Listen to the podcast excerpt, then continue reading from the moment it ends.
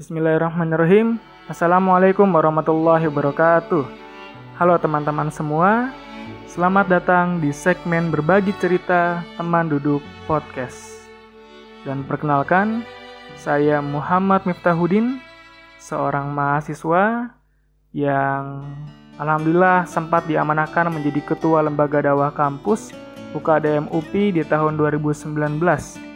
Nah, di sini saya ingin berbagi cerita tentang pengalaman hidup saya, tapi bukan tentang uh, jadi aktivis dakwah atau bukan tentang organisasi atau bukan tentang kemahasiswaan.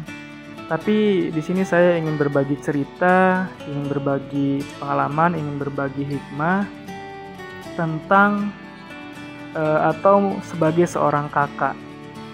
Nah, mungkin uh, apa namanya ya walaupun uh, nggak masalah ketika memang uh, nggak semua orang di sini yang mendengarkan tuh uh, menjadi seorang kakak gitu ya. Tapi pesan atau sebuah hikmah yang ingin saya bagikan tuh uh, bukan hanya sekedar seorang kakak tapi bagaimana kita memanfaatkan kebersamaan dengan orang lain. Nah jadi uh, yang ingin saya ceritakan adalah mengenai adik saya. Tapi sebelumnya saya minta maaf terlebih dahulu. Uh, jadi uh, tentang diri saya ya ini uh, saya ingin bercerita tentang diri saya terlebih dahulu sebelum nanti saya cerita tentang adik saya. Uh, saya adalah anak ketiga dari empat bersaudara ya yang alhamdulillah anak pertama sudah menikah ya. Kemudian eh, anak kedua atau kakak saya sedang insya Allah menuju progresnya gitu ya. Kemudian saya yang saat ini sedang kuliah dan kemudian eh, seorang adik ya saya yang mungkin jika dihitung saat ini usianya sudah 17 tahun dan sedang mengayomi kelas 12 di SMA.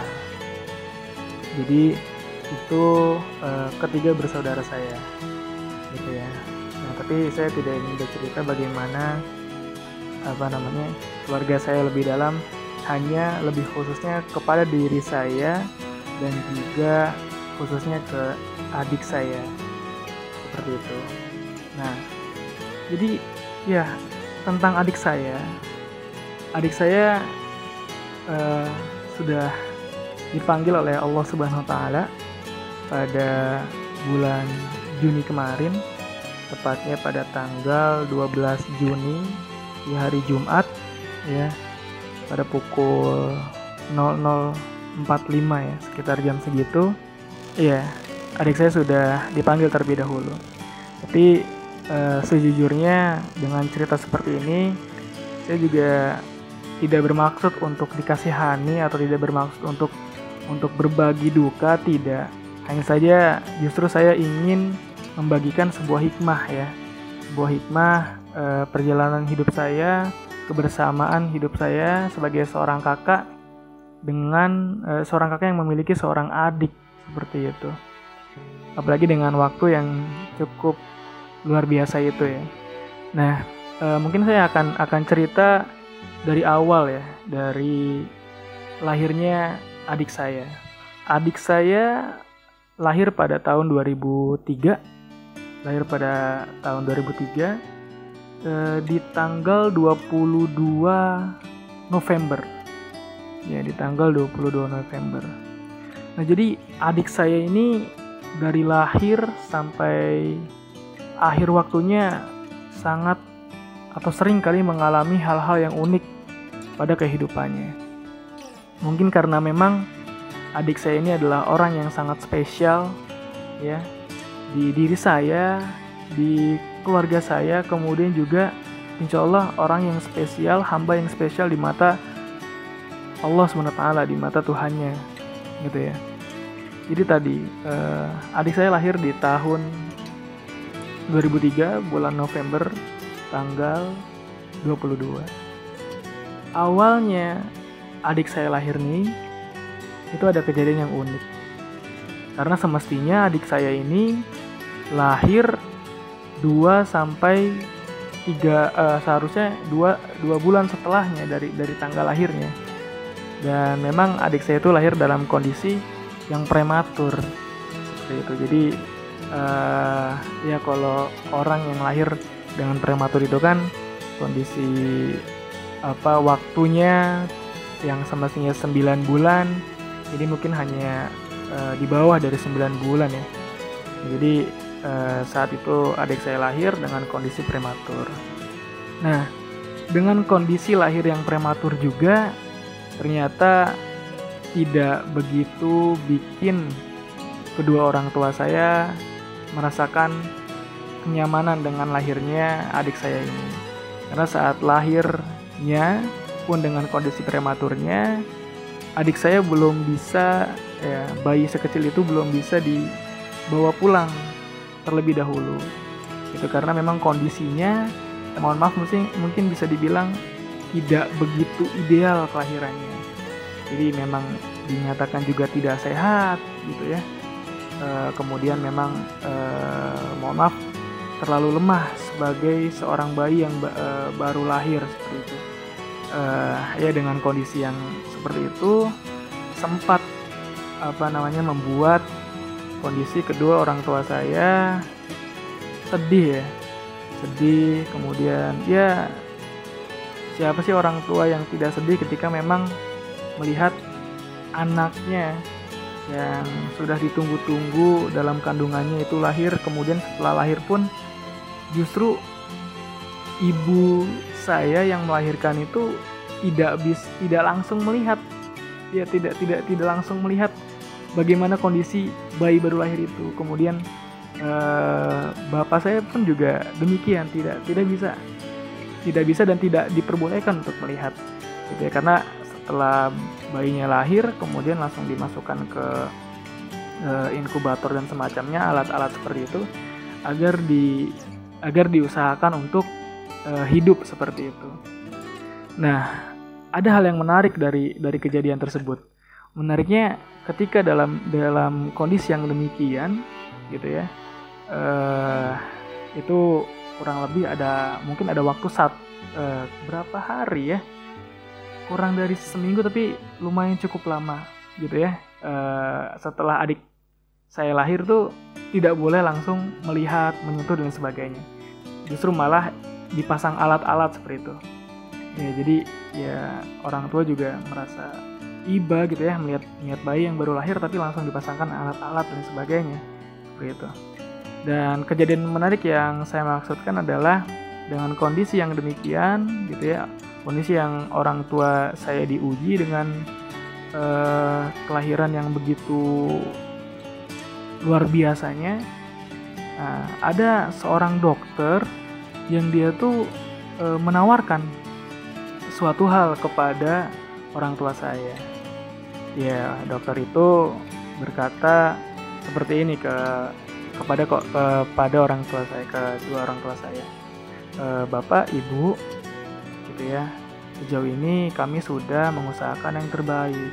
Namun ternyata hasilnya belum bisa ditentukan, kata dokter tersebut gitu. Dan orang tua saya dengan perkataan dokter tersebut ya merasa khawatir dong ya ini apa sih yang terjadi. Kemudian dokter tersebut bilang e, bapak dan ibu e, mau nggak kalau sekiranya anak bapak dan anak ibu yang baru lahir ini saya tukarkan saya tukarkan dengan mobil.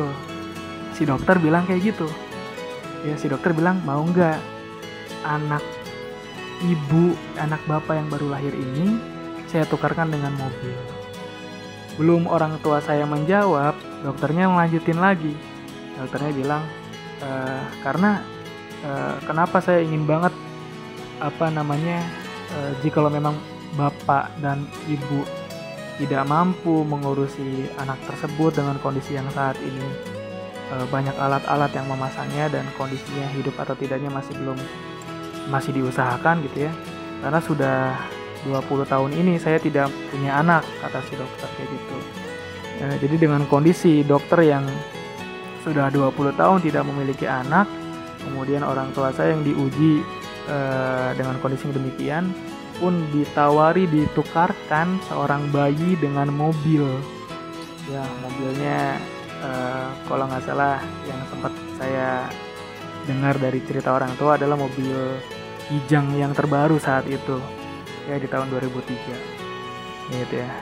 Namun alhamdulillah ya kodarullahnya dengan rasa sayang yang cukup kuat dengan rasa bukan cukup ya dengan rasa sayang yang sangat kuat kepada anak yang ditunggu-tunggu gitu ya tawaran itu pun ditolak. Alhamdulillah tawaran itu pun ditolak. Jadi tawaran itu ditolak dan al uh, ya begitu uh, orang tua saya tidak menerima tawaran mobil mau ditawarin rumah atau ditawarin gedung apa pun gitu ya. Orang tua saya menolak gitu ya. jadi ingin tetap merawat menjaga seorang adik saya begitu. Kemudian alhamdulillah dengan kondisi yang membaik gitu ya eh, adik saya pun sehat gitu ya dalam kondisi sehat dan dari situ dan, uh, kita sudah bisa melihatnya uh, kami semua bisa melihatnya sebagai uh, kakaknya sebagai orang tuanya uh, dan karena saat itu lahirnya eh uh, apa namanya ya setelah sehat itu setelah kami bawa ke rumah gitu ya belum belum sempat diberikan nama gitu ya. Dan saat itu uh, kami berikan nama uh, adik kami yang uh, uh, apa ya bontot ini yang yang yang terakhir ini. Gitu ya. Karena saat itu kondisi apa namanya waktunya adalah uh, bulan Ramadan ya saat itu bulan Ramadan gitu ya. Dan orang tua saya ingin uh, adik saya ini memiliki jiwa ingin memiliki uh, semangat ingin memiliki watak akhlak adab ilmu layaknya. Nabi Muhammad SAW maka dinamakanlah namanya Muhammad Syahrul Ramadan. Lahir tanggal 22 November tahun 2003 itu masa-masa kelahirannya uh, adik saya Muhammad Syahrul Ramadan. Baru lahirnya itu baru lahirnya aja itu udah sungguh luar biasa kejadian terhadap atau pada dirinya gitu ya sampai ingin ditukarkan mobil gitu ya e, dan lain-lainnya gitu ya dipasang alat dan sebagainya. Dan alhamdulillah e, saat itu saat sehat gitu ya kami berikan nama gitu ya dan alhamdulillah e, bisa menjadi bayi yang sehat gitu. Itu saat fase kelahirannya. Kemudian e, beranjak pada fase uh, masa bahasa balitanya. Nah ini juga lagi-lagi uh, emang pokoknya dalam setiap fase kehidupan adik saya ini Muhammad Syarul Ramadan ini itu banyak sekali hal-hal yang sangat menarik yang terjadi dalam dirinya gitu ya. Nah pada uh, masa balitanya pada fase balitanya kan tadi saya sudah ceritakan bahwa adik saya ini lahir dalam kondisi prematur badannya tuh kecil. Mungkin wah pokoknya ya gimana sih bayi prematur itu pokoknya kecil kan ya. Nah tapi pada saat masuk fase kebalitaannya ya itu wah eh, apa namanya menunjukkan perkembangan yang luar biasa yang masya allah banget gitu ya. Itu bobot tubuhnya itu bisa di atas bayi rata-rata gitu. Karena memang saat balitanya tuh uh, Muhammad Sur Ramadan atau biasa dipanggil Arul ini biasa dipanggil Arul uh, dia ini gendut bayi gendut gitu ya. Ya mungkin uh, teman-teman semua bisa membayangkan bagaimana sih bayi gendut itu gimana gitu ya. Jadi udah pipinya gembul ya kayak mungkin apa bakpao ya bakpao yang bukan bakpao yang gocengan bakpao yang sepuluh ribuan tuh yang gede yang isinya daging sapi segala macem. Itu pipinya segede gitu ya. Gembul banget. Di towel juga wah itu gembulnya bener-bener gembul gitu ya. Pipinya gembul ya. Kemudian uh, uh, pahanya juga uh, gede gitu ya. Terus tangannya banyak lipatan-lipatan kayak adonan gitu kan ya. Mungkin teman-teman bisa membayangkan bagaimana sosok bayi gendut gitu ya. Pokoknya lucu imut gitu ya kita tahu kalau bayi gendut tuh udah pipinya tembem gembul gitu ya tangannya juga uh, lucu gitu ya. Kemudian ya yang paling lucu dari uh, apa namanya bayi gendut adalah dia terlihat tidak punya leher ya. Itu yang yang yang lucunya tuh. Memang memang sangat gendut gitu asli ini gendut gendut banget. Uh, dari bayi yang prematur kemudian saat balita terlihat perkembangannya yang luar biasa sampai bener-bener jadi bayi yang gendut si Arul ini gitu ya. Ya leher nggak kelihatan perutnya ini pahanya. Wah pokoknya sangat lucu gitu ya uh, adik saya si Arul ini gitu ya. Itu pada uh, fase-fase balitanya gitu jadi memang tadi di apa namanya lahir dalam kondisi prematur namun saat fase balitanya jadi bayi gendut ya. Yang saya pun menjadi lebih sangat sayang saat itu dengan adik saya gitu ya. Karena apa namanya saya adalah kakak terdekat dari adik saya saya sayang banget sama dia. Seperti itu itu pada saat uh, masa balita kemudian beranjak TK nah kemudian beranjak TK jadi adik saya tuh uh, uh, keluarga saya itu apa namanya uh, dari anak pertama sampai anak terakhir TK-nya itu di TK uh, IT ya. Oh ada TK IT TK Islami terpadu seperti itu. Jadi Arul ini dimasukkan ke salah satu TK yang ada di dekat rumah yang dia punya apa pendidikan berbasis nilai-nilai uh, Islam gitu ya. Berbasis Islam seperti itu. Adik saya uh, di uh, keluarga saya ingin anak-anaknya terdidik uh, dengan pembiasaan atau dengan uh, apa namanya sudah dibiasakan dengan ilmu keislaman. Seperti itu seperti ya kalau anak TK tuh yang paling dasar adalah uh, apa namanya yang kecil-kecilnya kayak sebelum makan baca doa gitu ya. Sebelum apa baca doa baca doa gitu ya yang yang, yang sering di uh, berikan ilmunya kepada anak TK tuh ya baca doa kemudian tak ramah kepada orang tua saling mengucapkan salam gitu ya dan lain-lainnya. Saat TK nah saat TK juga itu eh, posisi eh, apa namanya ada hal yang menarik saat saat nah, adik saya TK jadi saat adik saya TK eh, saya eh, waktu itu sudah SD ya. Jadi jarak antara saya ke adik saya itu sekitar dari 98 ke 2003 itu lima tahun gitu ya. Jadi saat itu kurang lebih saya di kelas berapa ya mungkin kelas 4 atau kelas 5 SD adik saya TK tuh. Nah ada hal yang menarik juga saat TK nya kayak gitu. Jadi kan tadi saya sudah bilang kalau saya tuh sebagai kakak terdekatnya sangat sangat sayang uh, dengan adik saya. Jadi waktu dia uh, eh, TK tuh dan saya SD tuh kami sering bermain bersama gitu ya. Entah itu di rumah kita main mobil-mobilan gitu ya. Uh, entah itu di luar gitu ya main ke rumah nenek dan kebetulan rumah saya ya dengan rumah nenek uh, satu perumahan gitu ya. Nah uh, uh, kami juga suka main mandi bola. Ada ada tempat mandi bola di dekat rumah nenek tuh. Kita suka mandi bola di sana. Nah, ada yang menarik yang ingin saya ceritakan saat fase TK-nya adik saya ini adalah ketika ada satu momen ya saat kan karena adik saya ini TK dia pulang duluan dong lebih awal. Dan saya tuh agak siangan. Gitu. Nah, biasanya saat uh, adik saya ini pulang uh, adik saya pulang ini eh biasanya ketika saat saya pulang adik saya tuh udah nungguin di rumah terus ngajak minta ngajak main. Kayak gitu. Adik saya nunggu di rumah dan ketika saya pulang eh uh, ada Amista gitu ya. Kemudian uh, kami bermain bersama kayak gitu. Nah ada saat momen di mana pas saya pulang kemudian loh kok nggak ada nggak ada Arul di rumah gitu ya. Nggak ada Arul di rumah gitu ya. Kemudian uh, saya nanya nanya ke orang tua saya uh, Arul di mana? Gitu ya. Uh, main coba aja cari keluar kayak gitu. Dan saat itu di fase-fase SD itu saya punya punya sepeda gitu ya. Dan saya cari naik sepeda gitu ya.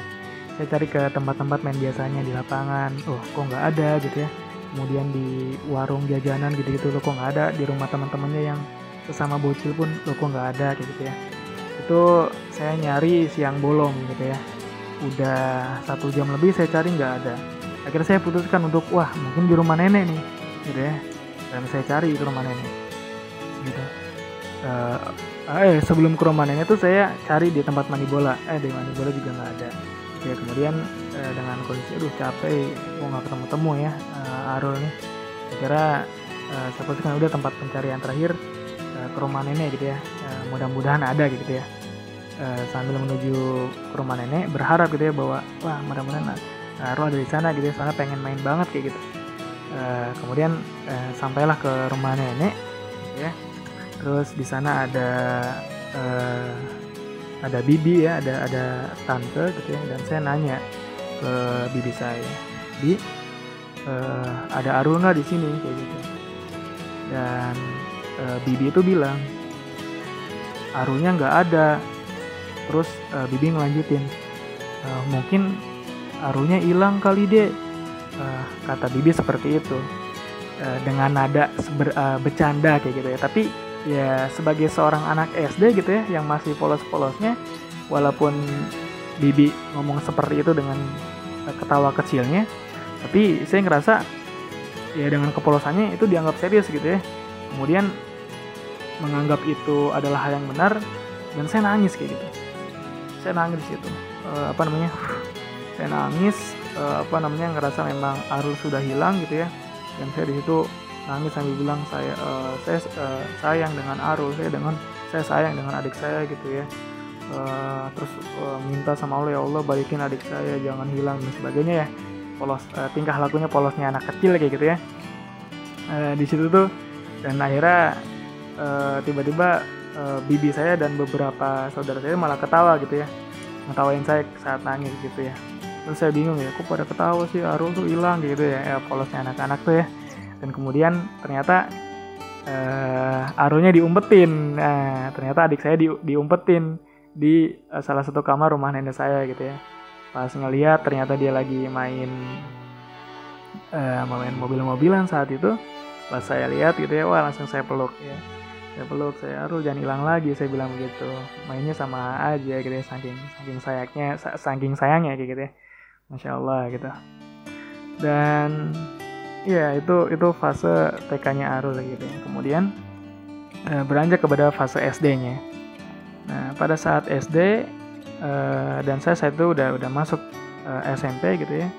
Dan saat SD itu oh iya dan keluarga saya itu punya kebiasaan bukan kebiasaan ya mungkin karena e, ya bisa dibilang kebiasaan juga jadi kayak ketika anak pertama SD di A gitu ya ntar anak kedua SD di SD yang sama terus SD-nya eh, anak ketiga SD yang sama lagi anak anak keempat SD yang sama lagi jadi kami berempat saudara tuh SD-nya sama di salah satu SD di uh, kota Bekasi ya nah uh, Arul SD di, di di SD yang sama seperti saya dan kondisinya saat itu saya uh, sudah masuk SMP ya di MTS di MTS salah satu di kota Bekasi gitu ya nah uh, jadi jarak antara SD dan MTS atau SMP saya itu cukup jauh jaraknya.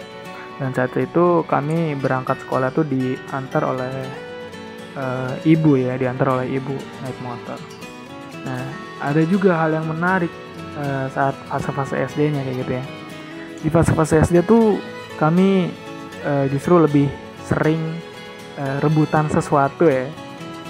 Fase-fase SD-nya Arul gitu ya dan saya saat masih SMP itu uh, sering terjadi rebutan sesuatu karena memang Arul yang sudah mulai besar, kemudian saya juga yang sudah mulai besar namun uh, ya tingkah seorang kakak gimana gitu ya ngelihat mainannya di main adik tuh kadang masih ngerasa itu punya punya punya kakak gitu ya kayak kita masih suka rebutan kayak gitu dan ada momen ada momen ya di fase-fase itu ketika memang tadi SD eh, antara jarak SD dan eh, MTS itu cukup jauh sehingga eh, apa orang tua itu ibu itu mengantarnya cukup jauh juga.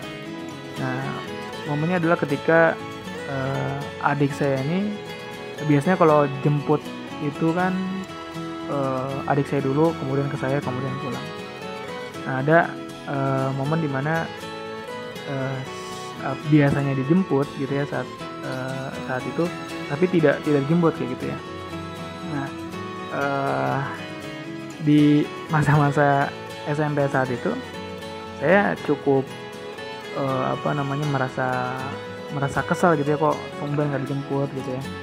Apakah apa namanya uh, ada gimana lah pokoknya ya seorang anak kecil gitu ya suka masih belum ben, apa ya belum terpola dengan baik cara berpikirnya.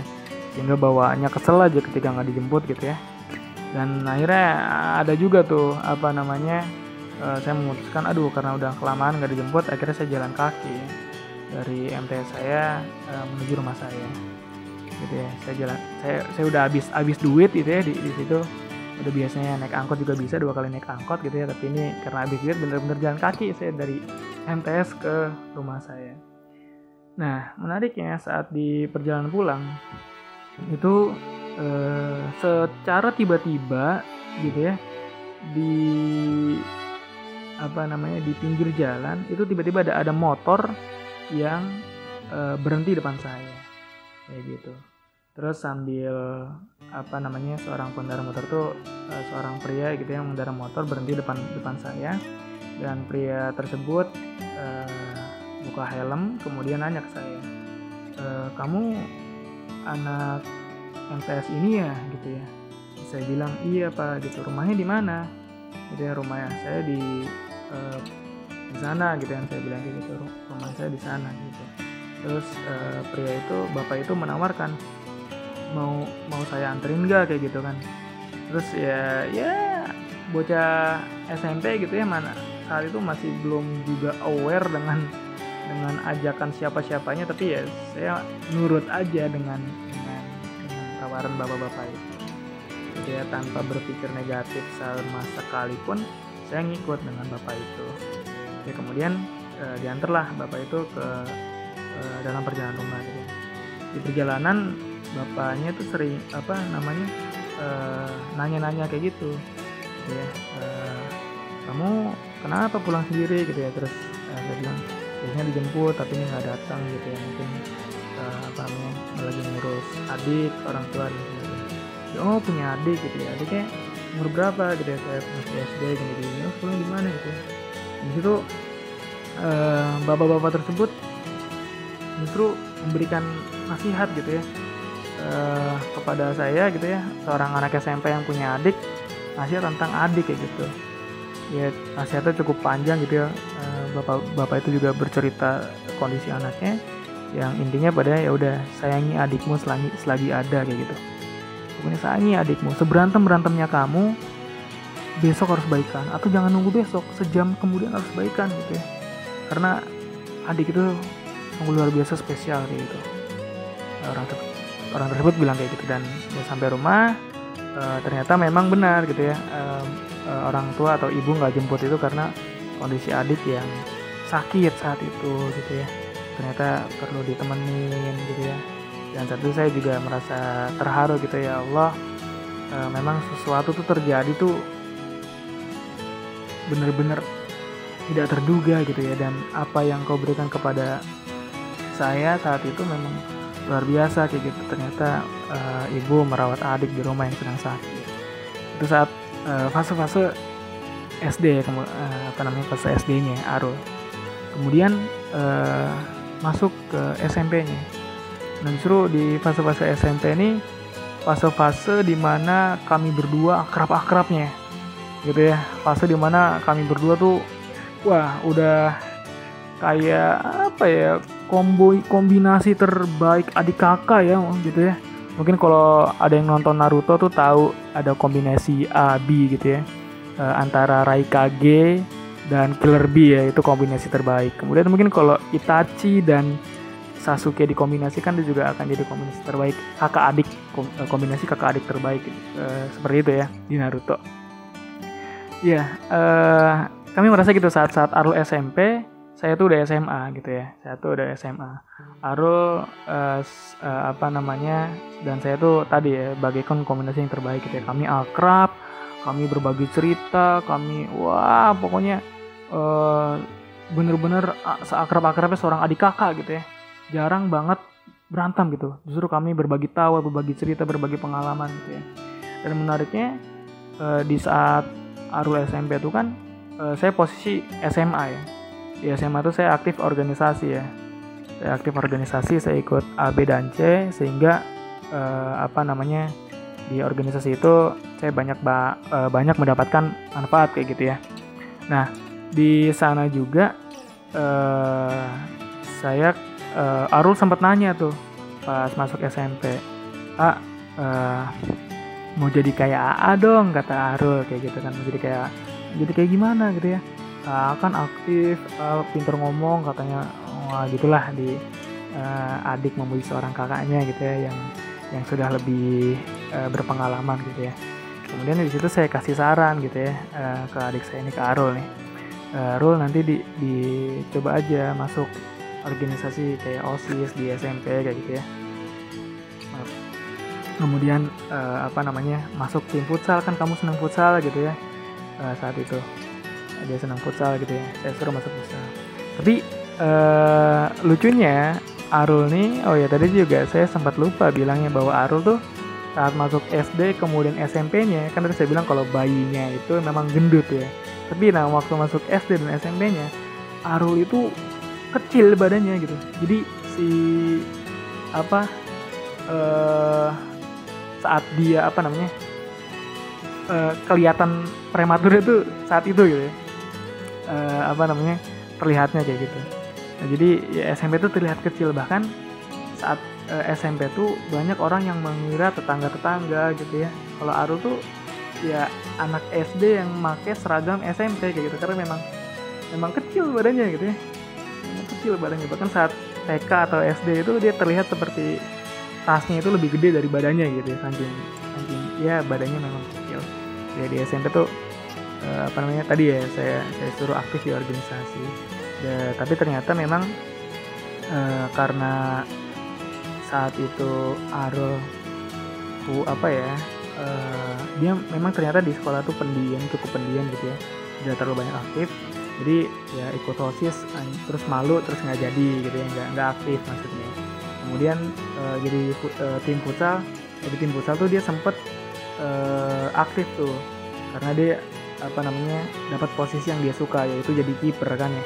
Itu jadi kiper. Namun uh, dia tidak masuk tim inti gitu ya kiper tim inti karena postur tubuhnya yang kecil kayak gitu. Sehingga karena karena tidak masuk tim inti tim inti jadi tidak aktif lagi.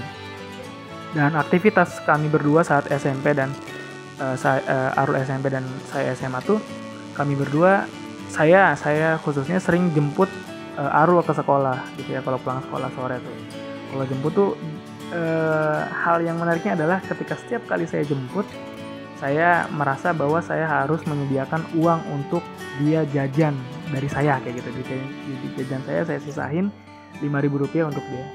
Nah setiap kali uh, keluar uh, bel sekolah berbunyi kemudian keluar gitu ya dia tuh selalu langsung uh, first looknya nengoknya itu ke tempat ke tempat yang biasa saya pokoknya kita udah udah punya tempat CS-an lah kayak gitu. Pokoknya kalau dijemput di sini harus ya di sini pokoknya di situ. Uh, di pinggir jalan tuh. Kira kalau dia keluar dia selalu nengok langsung ke saya ngelempar senyumnya gitu ya. Uh, ambil ya begitu indahnya gitu ya, uh, luar biasanya gitu. Uh, selalu saya selalu saya tawari jajan gitu ya. Mau jajan gak deh gitu ya. Jajan apa? Ini ada 5000 buat kamu jajan apa? Jajan uh, MPG Batagor G uh, apa namanya bebas deh gitu ya buat kamu. Gitu. kadang dia mau jajan kadang enggak ah, udah kenyang gitu ya. Ya kadang uh, kalau nggak jajan juga saya mampir ke Indomaret nih beli es krim aja udah buat kamu. Juga pokoknya masa-masa akrabnya gitu ya. Itu SMP kemudian saat di SMA nah ini uh, hal yang menariknya gitu ya saat di SMA justru uh, posisi saya udah kuliah kan ya sehingga hubungan kami berdua uh, menjadi renggang kayak gitu. Karena jarang ketemu jarang jarang uh, berkomunikasi. Pun juga secara online pun kami jarang gitu ya. Cuma ngabar-ngabarin aja.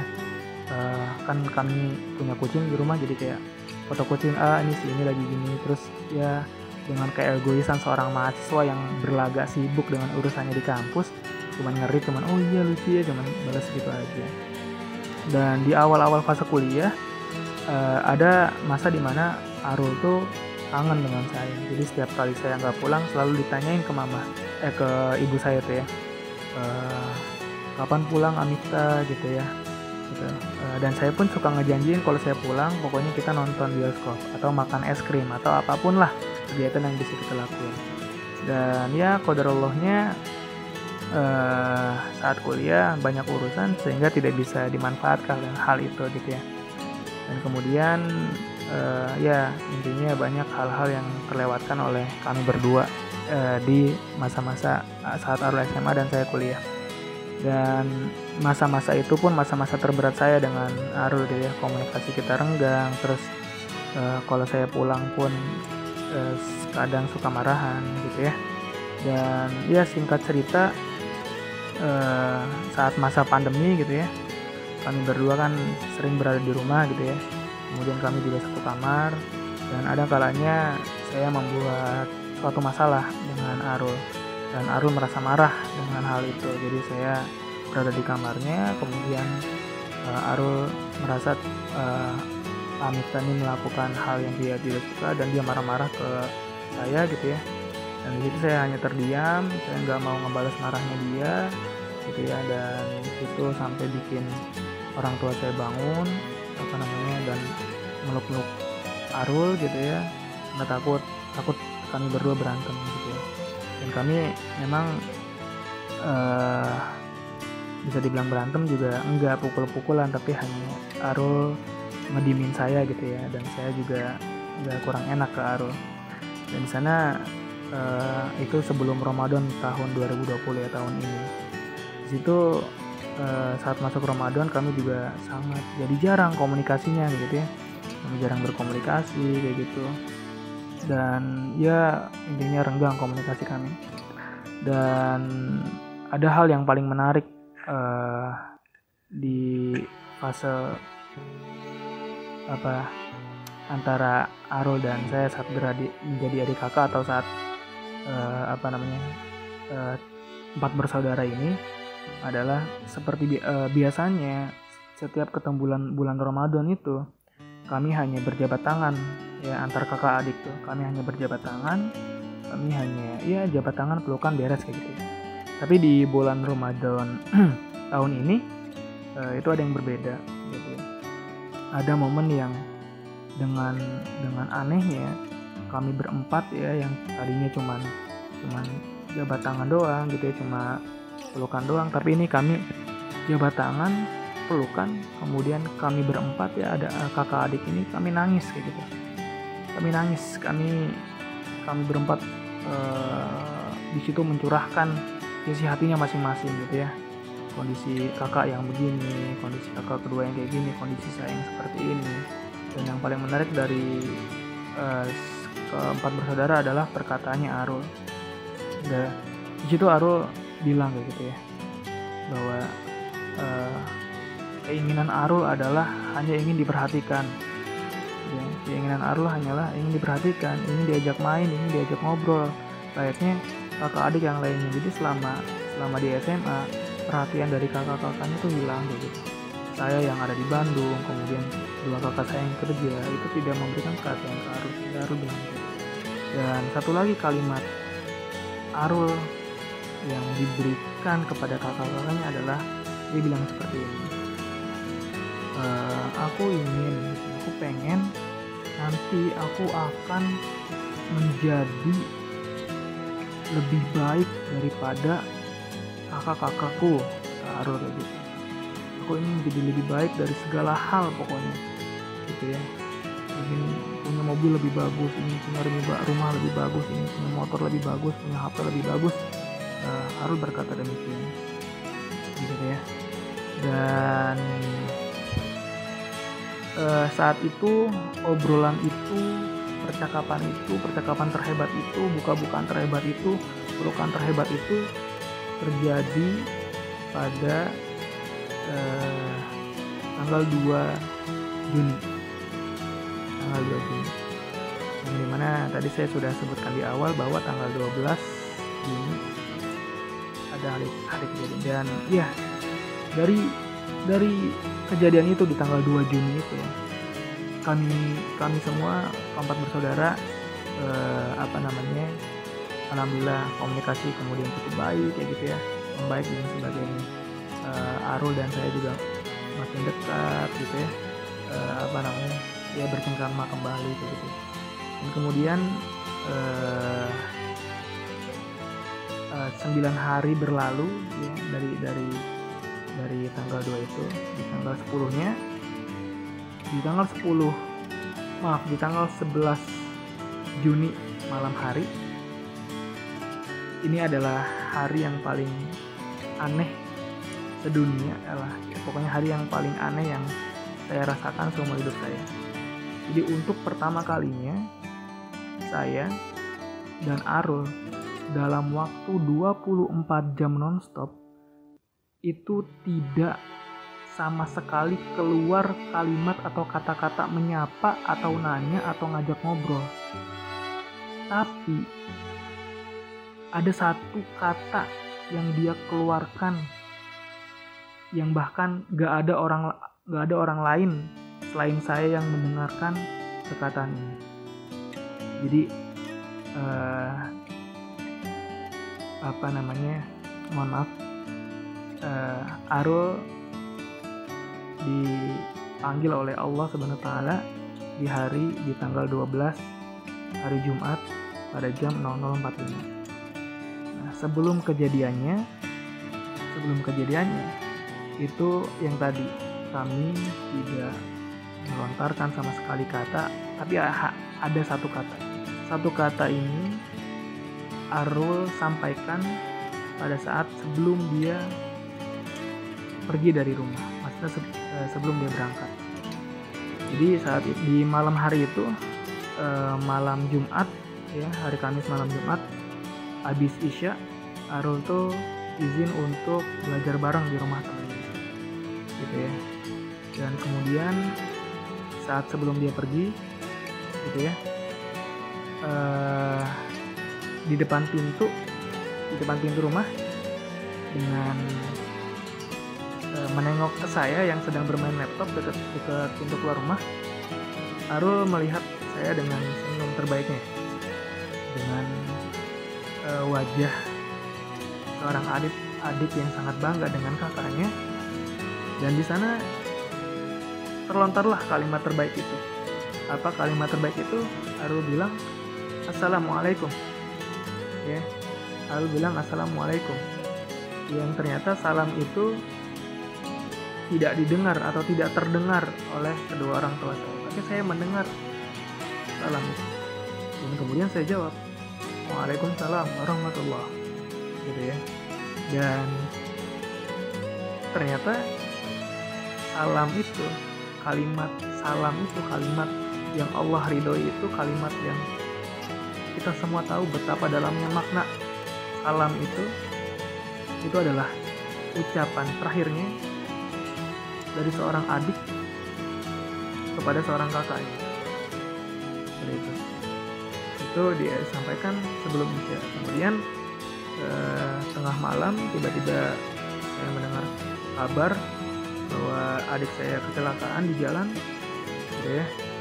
Dan di sana uh, pikir saya bahwa oh mungkin kecelakaan biasa gitu ya dan tidak kenapa-napa gitu. Dan ternyata hmm, mungkin saya tidak akan menceritakan detailnya. Iya kodarulnya saat saya sampai rumah sakit dokter sudah memvonis bahwa adik saya telah meninggal dunia. Telah dipanggil uh, Allah ya. Telah dipanggil Allah. Iya yeah, uh, di situ adik saya dinyatakan berpulang ke rahmatullah. Dan dari kejadian tersebut saya banyak sangat banyak mengambil hikmah gitu ya. Dan sebagai seorang kakak yang sangat sayang kepada seorang pada adiknya gitu ya uh, sangat menyesali hal-hal yang sekiranya pernah apa ya hal-hal keburukan yang pernah seorang kakak lakukan terhadap adiknya gitu ya. Dan saya uh, apa namanya mengambil hikmah dari semua kejadian itu gitu ya. Dan dan ini juga salah satu atau ya menjadi poin inti pesan yang ingin saya sampaikan kepada eh, teman-teman uh, semua. Uh, mungkin di antara kita semua merasa apa ya merasa bingung ya atau merasa heran kenapa kita dijadikan seorang kakak kenapa kita dijadikan seorang adik gitu ya. Itu sebenarnya hal yang memang harus kita pikirkan uh, wahai sobat-sobatku semua. Karena kalian menjadi sesuatu itu pasti ada suatu alasan gitu ya. Dan alasan itu pasti alasan terbaik yang kalian terima untuk mendapati sebuah hal tersebut entah sifatnya mungkin amanah entah sifatnya mungkin posisi entah mungkin sifatnya jabatan atau dan sebagainya itu pasti ada suatu alasan gitu ya pun saat kita menjadi seorang kakak atau menjadi seorang adik. Nah, ini hal yang sering kita uh, suka apa ya? Suka kita uh, omongin gitu ya, hal yang suka kita apa namanya? suka protes lah ya. Uh, kenapa sih kok adik kita nakal? Kenapa sih kok adik kita bandel? Kenapa sih kok adik, adik kita beda dengan kita? Kenapa adik kita susah disuruh? Kenapa adik kita nggak kaya kayak nggak nggak kayak nggak mirip apa ya sifatnya nggak mirip kita? Saya uh, mungkin kita merasa kalau kita disuruh orang tua mau kenapa adik kita enggak gitu? Kadang-kadang kita suka berpikiran kayak gitu dan tolong buat teman-teman semua yang saat ini menjadi seorang kakak atau saat ini menjadi seorang adik dan masih memiliki kakak, masih memiliki adik. Jangan anggap itu sebuah kesalahan. Jangan anggap itu sebuah uh, kejelekan yang ada dalam diri saudara kita. Jangan. Karena nakalnya dia, bandelnya dia, uh, susahnya dia disuruh terus dan lain gimana dia itu itu ya bentuk dari proses dia belajar dengan kehidupan ini gitu. itu prosesnya dia untuk belajar jadi lebih baik dalam uh, mempelajari ya, kehidupan ini gitu. karena kita bisa aja ngoceh jadi seorang kakak dulu tuh eh kenapa sih kamu begini? Kakak aja nggak kayak gini. Bisa protes kayak gitu tapi beda gitu. Beda usia beda pengalaman beda. Sehingga mereka butuh waktu untuk mempelajarinya. Dan hal tersebut jangan pernah diabaikan gitu ya. Jangan pernah diabaikan. Ketika memang adik kita nakal adik kita bandel adik kita, adik kita susah gitu ya. Nah justru kita sebagai seorang kakak harus memberikan teladan yang baik. Kita harus memberikan nasihat kita harus memberikan contoh. Begini lode yang baik. Begini lode yang baik ya gitu ya. Karena uh, sebagai seorang kakak kita nggak bisa cukup menyalahkan begitu saja gitu. Dan bisa jadi semua penilaian buruk kita kepada adik kita ya bisa jadi itu hanyalah sikap iri. Karena orang tua kita jadi lebih perhatian kepada adik kita. Itu bisa jadi gitu ya. Dan tolong hilangkan asumsi itu. Karena adik dan kakak itu bersaudara kandung gitu. Benar-benar tidak sangat tidak boleh adanya husnuzon di antara keduanya gitu. Jadi jadilah teladan untuk adik seperti itu. Dan kemudian eh, perihal meluangkan waktu untuk adik kita. Ya. Uh, sesibuk apa pun ya sesibuk-sibuknya diri kita dengan urusan kita di kampus di kantor di sekolah mungkin atau di mana pun itu asli ya saat apa namanya luangkanlah waktu untuk adik kita. Saat ketemu dengan adik kita saat atau ada saat adik kita nyamperin kita udah urusannya lepas dulu. Udah kerjanya entarin dulu gitu ya. Kita ajak ngobrol adik kita. Kita coba uh, apa namanya pancing curhat adik kita gitu ya. Karena kita yang lebih berpengalaman kita kita dengarkan curhatnya kita berikan nasihat-nasihat terbaik kita. Kita ajak ngobrol tentang hal-hal kebaikan tentang hal-hal yang lucu yang penuh dengan canda tawa gitu ya. Kita kasih perhatian lebih kepadanya gitu ya. Perhatian yang melebihi teman dekatnya di sekolah. Jadi kan kita orang yang paling dekat sebelum temennya. Karena banyak masalah saat ini seorang yang sekolah gitu ya atau seorang yang punya adik atau punya kak uh, khususnya adik sih ya uh, dia merasa bahwa teman lah yang lebih dekat dibanding keluarganya. Jangan sampai merasa demikian begitu. Kemudian hmm, kemudian uh, selain pada tadi ya menjadi tem, uh, menjadi hal yang lebih dekat dari teman dekatnya terus jadilah orang yang paling tahu apa yang terjadi pada hidupnya gitu sehingga kalau kita udah tahu dia dia gimana dia seperti apa apa yang terjadi pada diri dia kitalah yang akan menjadi tempat nasihat terbaiknya kayak gitu. Kan keren tuh seorang kakak menjadi tempat curhat pertamanya seorang adiknya kayak gitu. Karena ya itulah eh, apa namanya saat-saatnya kita untuk menjadikan pengalaman terbaik kita sebagai nasihat terbaik kita untuknya gitu. Karena ya karena seorang kakak adalah teladan gitu ya karena seorang kakak adalah teladan kedua ya. Ibarat tuh kayak seorang kakak tuh adalah teladan kedua setelah orang tua. Maka jadilah yang terbaik baginya. Dan ya teman-teman semua mesti sadar gitu ya. Hadirnya seorang kakak itu bukan untuk jadi yang paling baik di antara adik-adiknya. Tapi hadirnya seorang kakak itu untuk jadi contoh dan teladan terbaik agar adik-adiknya nanti bisa menjadi lebih baik dari kakaknya. Itulah tujuan ya menurut saya itulah tujuan hadirnya seorang kakak untuk adik. Bukan jadi yang terbaik, tapi menjadikan dirinya adalah contoh agar adik-adiknya menjadi yang terbaik ya gitu. Ya, mungkin itu cerita panjang yang dapat saya sampaikan teman-teman semua.